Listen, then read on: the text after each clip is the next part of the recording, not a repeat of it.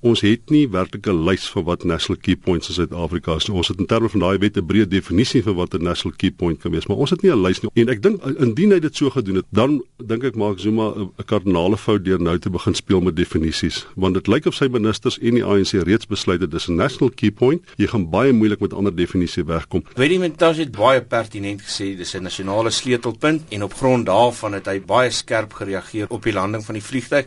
Wat se implikasies het daai verskille? Vir die eerste keer dink ek sedert die verkiesing van Jacob Zuma by Mangaung sien ons dat daar 'n baie spesifieke groepering binne die ANC is wat voel dat miskien is die politieke koste van die teenwoordigheid van Jacob Zuma raak 'n bietjie swaar. Ons sien nou die moontlikhede van 'n groep binne die ANC wat voel dat miskien is Jacob Zuma nie noodwendig na 2014 die beste materiaal vir 'n politieke leier nie. Watter invloed kan die Guptas op die uitslag van volgende jaar se verkiesing hê? As daar enige spanning is uh, binne die ANC oor die bestuurskapasiteit, die bestuursvermoë van Jacob Zuma, dan het dit nou gewys met die Guptas. Dit het nie gewys met Nkandla nie, dit het nie noodwendig gewys met Marikana nie, maar hierdie is nou vir my die eerste keer 'n baie duidelike teken dat as ons dink, miskien gaan daar uiteindelik iemand anders wees wat 'n president is van die ANC, dan het ons nou 'n teken daarvan gesien en ek dink dis omdat daar 'n baie sterk lobby of drukgroep binne die ANC na vore gekom het onder uh, ek dink uh, Cyril Ramaphosa is een Trevor Manuel is een ek Pravin Gordhan is duidelik daar wat vir hulle sê of ons bestuur die land beter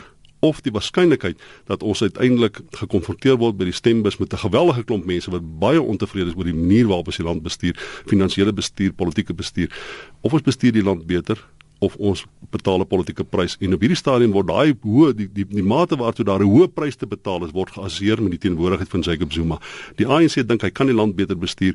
Hulle is onseker of die president of Jacob Zuma daardie leiding kan gee wat tot beter bestuur gaan lei. Lees ek dit dan reg? Iets wat eintlik op die ou end onbeduidend moes wees, die rigting kan bepaal waarheen volgende jaar se verkiesing gaan. Wel mense mense sou kon dink dat dit sê net maar 'n opportunistiese verhouding met die president is relatief on, onbeduidend, maar eintlik spreek dit tot die argitektuur van die manier hoe die land bestuur word. Dit gaan nie net oor korrupsie nie, dit gaan ook oor die mate waartoe mense wat geaseer word. Dit dit speel 'n bietjie in op die xenofobie wat tipies is in Suid-Afrika. Dis mense, dis mense van die buiteland af, dis mense wat van India gekom het en hulle 'n pertinente en 'n spesifieke sê in Suid-Afrikaanse politiek en hulle betaal daarvoor al 'n bepaalde prys wat hulle aanbied en die president koop dit op 'n opportunistiese manier. Dit gaan oor die bestendigheid van politiek, dit gaan oor die opportunistiese natuur van politiek en dit gaan in die mate waartoe normale demokratiese prosesse en bestuursprosesse ondermyn word deur opportunistiese verhoudings.